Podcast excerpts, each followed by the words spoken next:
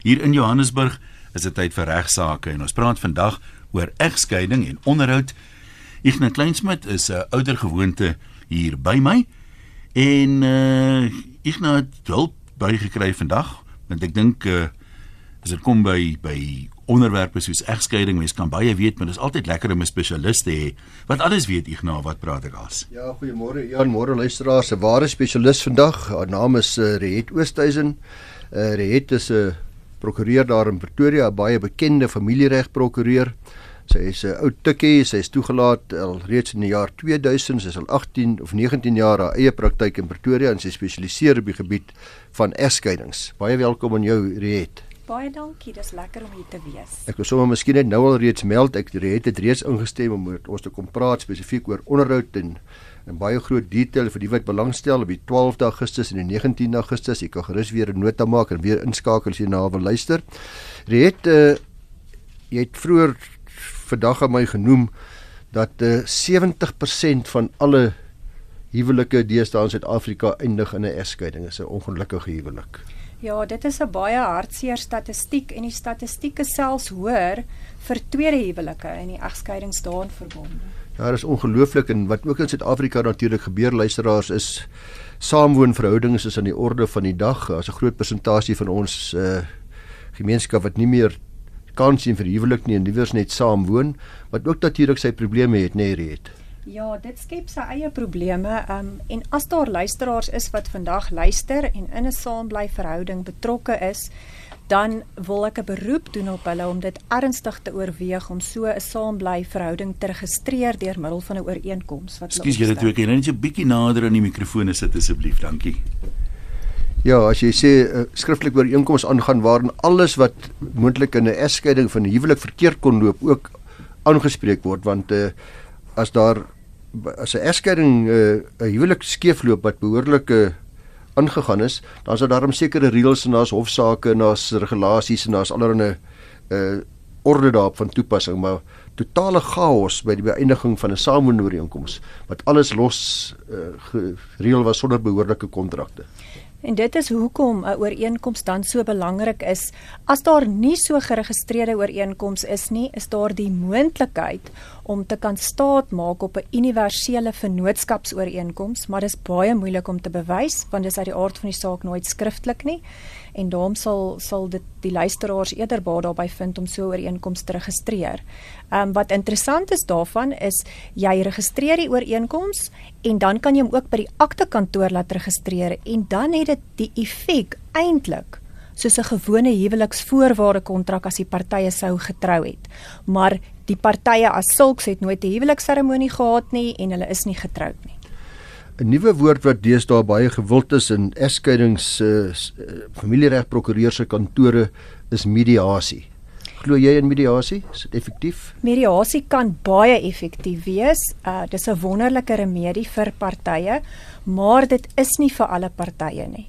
Jy kan slegs medieer as beide partye regtig wil skik en en en tot 'n vergelyk wil kom. Wanneer daar enige van die partye wat is wat ongelukkig is of voel hulle hulle wil voortgaan met 'n egskeiding, kan jy die mediasie roete probeer, maar die kans dat dit geslaagd sal wees is baie skraal. Kan ek maar gaan? Ja. Skielik. O, ek maar gaan. O, kan ons aangaan? O, ek kan dalk so 'n bietjie verder uitbrei deur te sê met mediasie wat belangrik is is dat die partye moet onthou in die geval van mediasie tree die mediator nie op as 'n regter nie. Die mediator is bloot daar eintlik as 'n fasiliteerder van kommunikasie tussen die partye. So die partye gaan self kommunikeer met mekaar en uiteindelik 'n ooreenkoms bereik. Die mediator gaan slegs daardie proses vir die partye fasiliteer. Met ander woorde, die mediator gaan nie sê meneer X jy's korrek of mevrou Y jy's nou onredelik nie. Die mediator gaan slegs fasilitering doen en dis hoekom dit so belangrik is dat die partye wel met mekaar tot ooreenkoms moet kan kom en moet 'n bereidwilligheid hê om te medieer. En selfs as die mediasie onsuksesvol is, het die partye niks verloor werklik nie. Nee, dan het hulle niks verloor nie wanneer enige van die partye op die ou einde sou voel, ehm um, selfs wanneer daar 'n mediasie ooreenkoms onderteken is, dat hulle daarna 'n prokureur wil gaan sien en wil terugtreë uit die mediasie ooreenkoms, sal dit sal hulle wel dit mag doen. Het ons kry op hierdie program seker beverwerk die meeste briewe is anderoor onderhoud maar ook 'n klomp skrywes van oumas en oupas wat voel dat hulle toegangsregte nie behoorlik uitgeoefen word of wat of wat hulle gefrustreer word wat betref hulle toegangsregte tot hulle kleinkinders. Iets daaroor? Oumas en oupas het ook 'n reg om kontak met hulle kleinkinders te hê. So wanneer dit da, daardie kontakregte frustreer word, kan 'n hof genader word. Uit die aard van die saak is dit eintlik die ideale omstandighede om dit eers te probeer medieer om regskoste te bespaar vir ouma en oupa, maar as dit nie geslaagd sou wees nie en die partye kan dit ook nie onderling uitpraat nie, dan kan oupas en oumas die hof nader om regshulp. Hier is nou nog 'n interessante vraag wat ehm um, ek nie weet uh, of jy al voorheen gehad het nie. Iemand sê hier ek het nou belasting betaal op my salaris, nou betaal ek uit daai nabelaste inkomste onderhoud oor aan my vrou. Word sy nou weer daarop belas? Is dit inkomste vir haar vir belastingdoeleindes?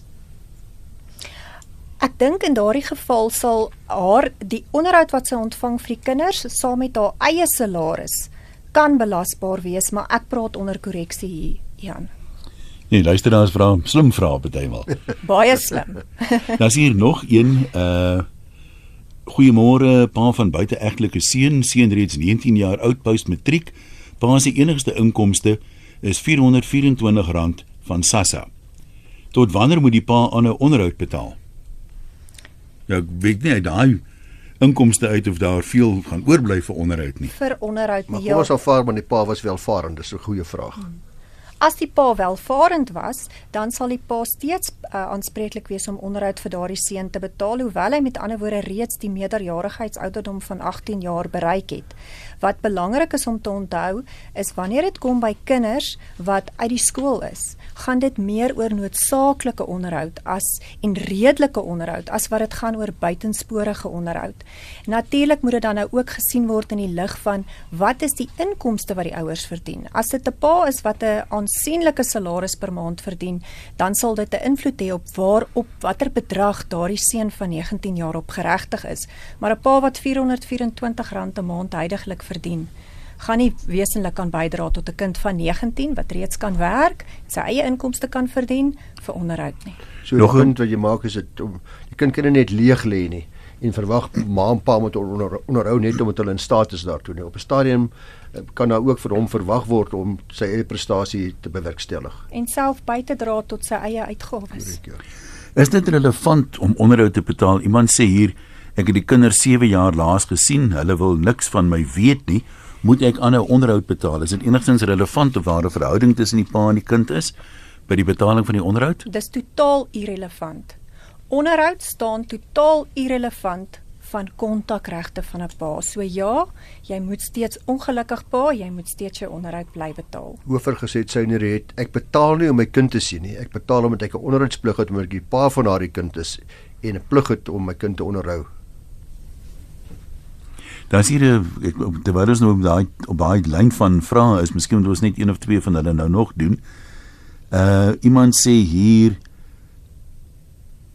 die man en die vrou is aan die skei. Nou die, die uiteraard ons praat van SMS'e, so ons het nie al die inligting nie.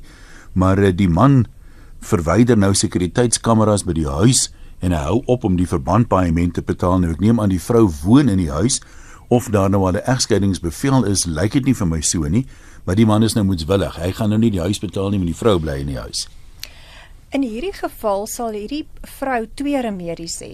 As die egskeiding reeds aan die gang is, kan sy die aard van die saak die hof nader om 'n interim bevel om onderhoud en dit sal wees in terme van reël 43 as sy in die Hooggeregshof skei of in terme van reël 58 as haar egskeiding aanhangig gemaak is in die streekshof. Maar sy het ook 'n ander remedie en dit sal wees om die gesinsgeweldhof te nader. Want hierdie man is besig om hy sta ek het gehoor jy sê Jan dat hy staak die betaling van die verbandpaaiement. Ja. Dis noodmonetêre hulp. As daai vrou 'n huisvrou is wat op die oomblik nie 'n inkomste verdien nie, dis haar blyplek. So sy sal geregtig ook wees om die gesinsgeweld hof te nader op grond van die feit dat hy besig is om haar emosioneel te mishandel.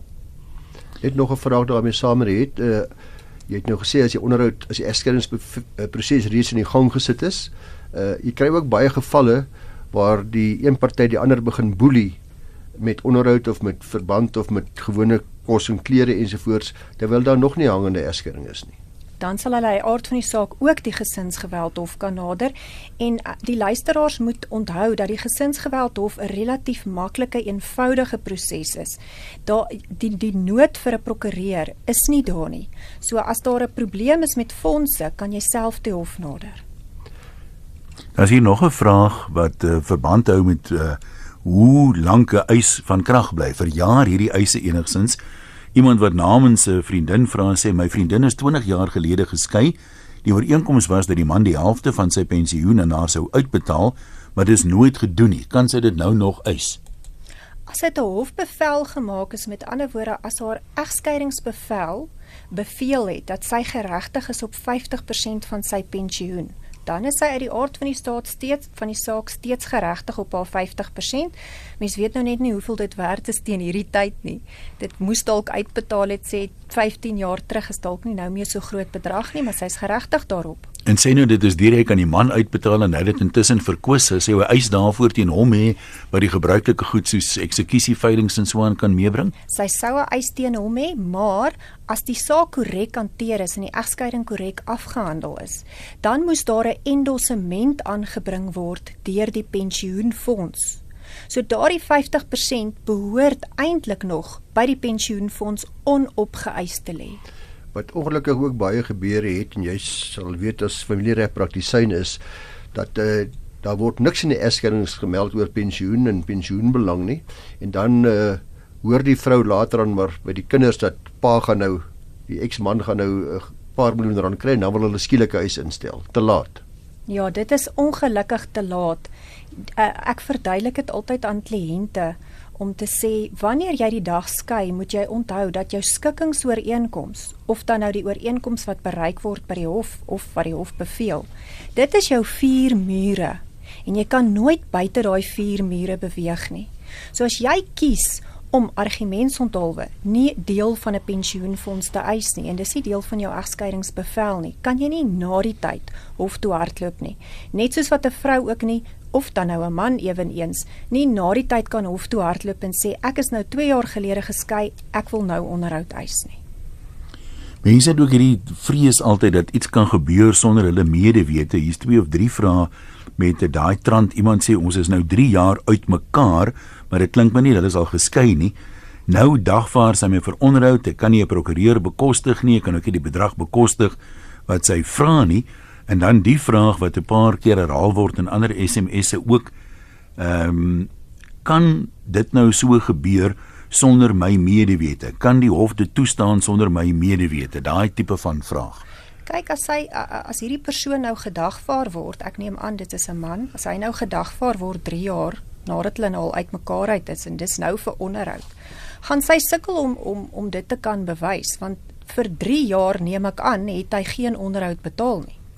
Kom ons veronderstel hy het wel vir die laaste 3 jaar sekere van haar uitgawes betaal dan uit die aard van die saak sal dit vir haar makliker wees om om onderhoud te kan eis, maar sy sal haar onderhoudsbehoefte moet bewys en die hof sal natuurlik sy verdien vermoë in ag neem.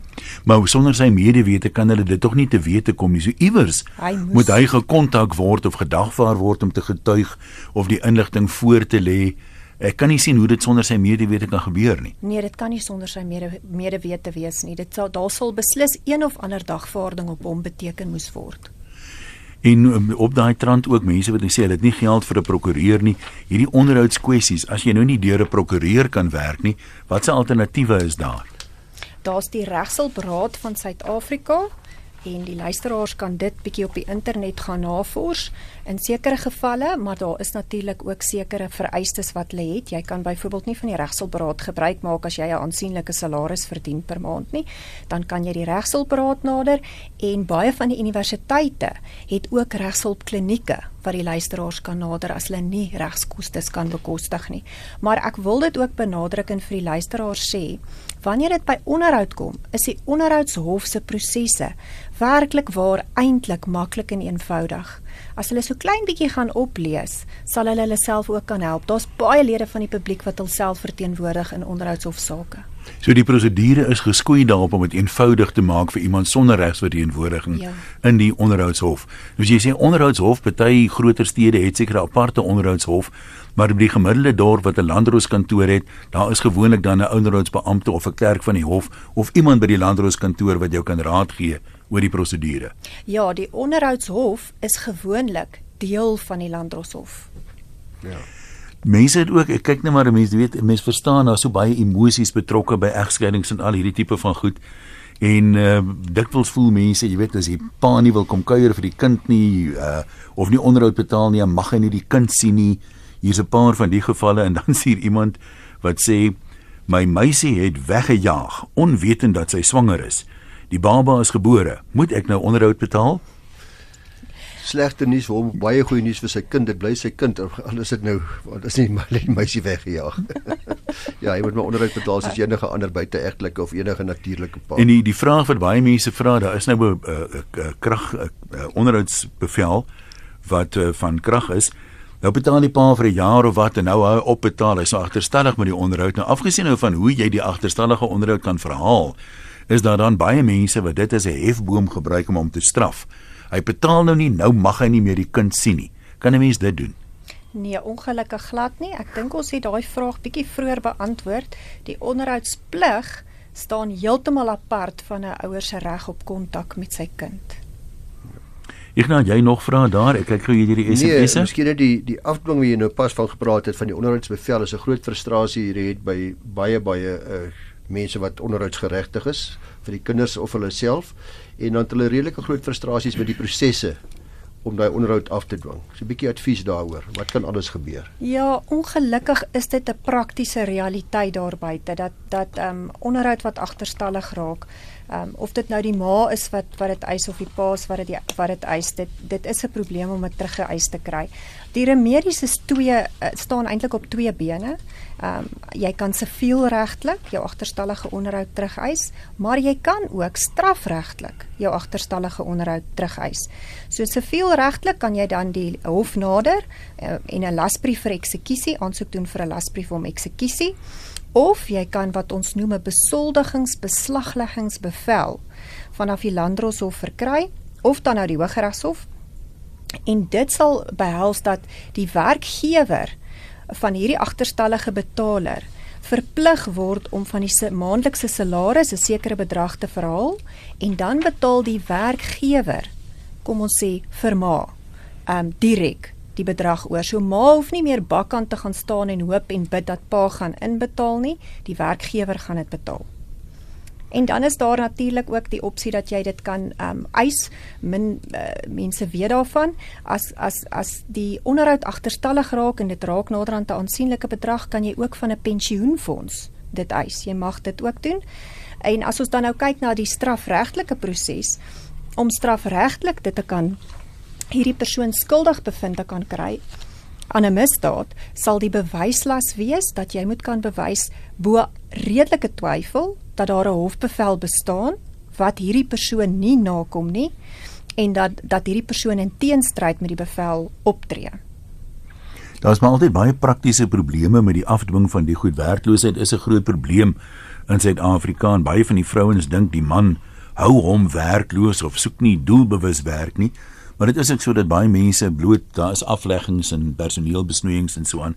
'n Ou wat nou werkloos is, wat nou nie inkomste het nie, hou sy onderhoudsverpligting dan op of loop dit 'n agterstallige verpligting op? Ja. Vra iemand hier wat hy dan weer moet betaal as hy werk kry. Ja, en een ding wat mense moet besef dat uh bloed kan nie die spreekwoordelike klip getap word nie en as 'n man nie inkomste het nie, dan kan hy ook nie onderhoud betaal nie. En ongelukkig maak 'n onderhoudseis nie van 'n slegte pa 'n goeie pa nie.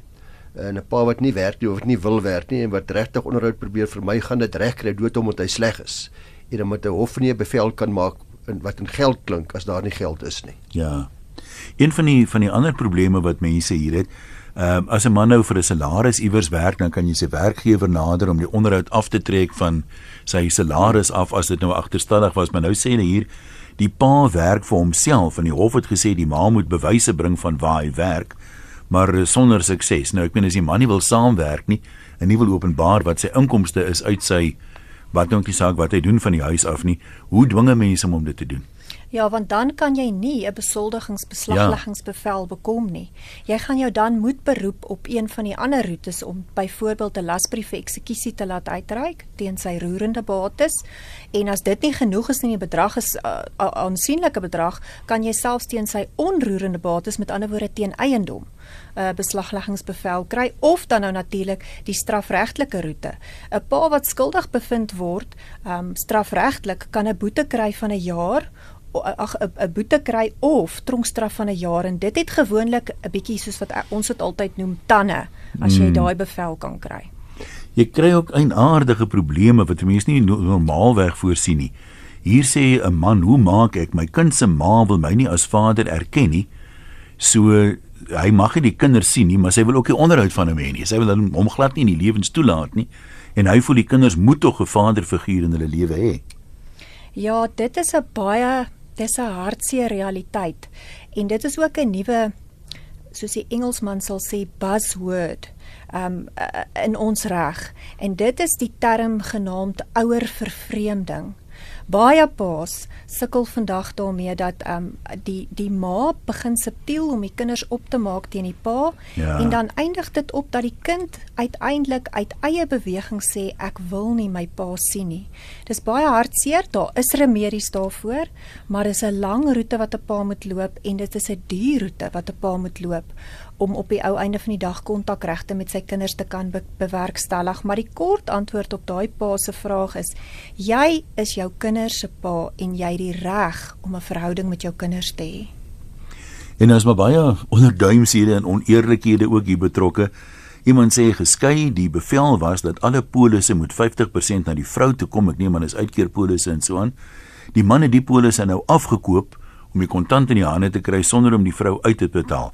Wat staan haar nou te doen? Sy sal dan direk teen hom moet eis, maar ek sal haar aanraai om baie mooi te gaan kyk na wat die hof bevel beveel. Want 'n behoorlike skikkings uh, wat opgestel is en wat dan 'n bevel van die hof gemaak sou wees, sou die anniteitfonds beveel het om direk aan haar uit te betaal. So dalk is sy onder die indruk hy dit afgekoop, maar haar gedeelte mag dalk nog by hulle lê. Maar as hy dit inderdaad op 'n skelle manier sonder om haar kennis te stel die volle opbrengs te kry, dan gaan sy gewone siviele eis teen hom hê. Wat gaan insluit ook moratoriese rente vanaf die datum waarop hy veronderstel was om dit na te betaal. Inderdaad. Ons het net nou gevra of iemand het gevra is die onderhoud in die hande van die vrou belasbaar as hy nou dit uit sy nabelaste inkomste betaal. Hier's 'n luisteraar wat ek neem aan uh, kennis het hieroor wat sê as die skeiding na 21 Maart 1962 plaasvind dan is die onderhoud vrygestel van belasting in terme van artikel 10.1u van die inkomstebelastingwet. Ja, dankie vir die baie dankie vir daardie antwoord. So leer ons by mekaar, né? Ja. ons kan nog 'n vinnige kort vraagie wat uh, uh inpas 0891104553 is die nommer. Ek weet nie of ons regtig gaan tyd hê vir oproepe nie, maar hier is 'n hele paar SMS'e nog op 45889 wat ons uh, kan inpas. Wat as pa se inkomste drasties verminder het sodat hy al uit sy huis is en die ma verdien nou 'n groter salaris, kan die pa die onderhoud laat verlaag? Ons het die vraag al op 'n paar maniere beantwoord. Hier is ook 'n ander vraag wat sê die onderhoud was R3000 'n maand, hoe kan ek dit laat verhoog? Kom ons aan, aanvaar die bevel het nie voorsiening gemaak vir 'n verhoging teen inflasie of wat ook al nie. Die kort kragtige manier as 'n mens dit laat hersien, verhoog of verlaag? Dan nader jy die onderhoudshof en jy bewys jou saak en dan sal die onderhoudshof of 'n verhoging toestaan of 'n verlaging toestaan. Maar die kort antwoord is enige van die partye kan te enige tyd die onderhoudshof nader om of 'n verhoging of 'n verlaging. En dan 'n laaste vraagie wat weer eens hartseer maar waar uh, aandui hoe daar dikwels nie weet gesonde verhoudinge tussen die ekspa en die ma en die, die geskeides is nie. Uh die man sê hy het nou heelwat ekstra goed privaat vir die kinders gedoen, goed vir hulle gekoop, uh sekere kursusse en goed voorbetaal, maar uh, nou dat dit nou kom by die onderhoud wil die ma dit glad nie erken nie. Hy sê baie van hierdie goed informeel die kostes gedra, maar sy wil steeds die onderhoud opsit en sy wil nou nie erken dat hy van hierdie goed betaal het aan haar nie.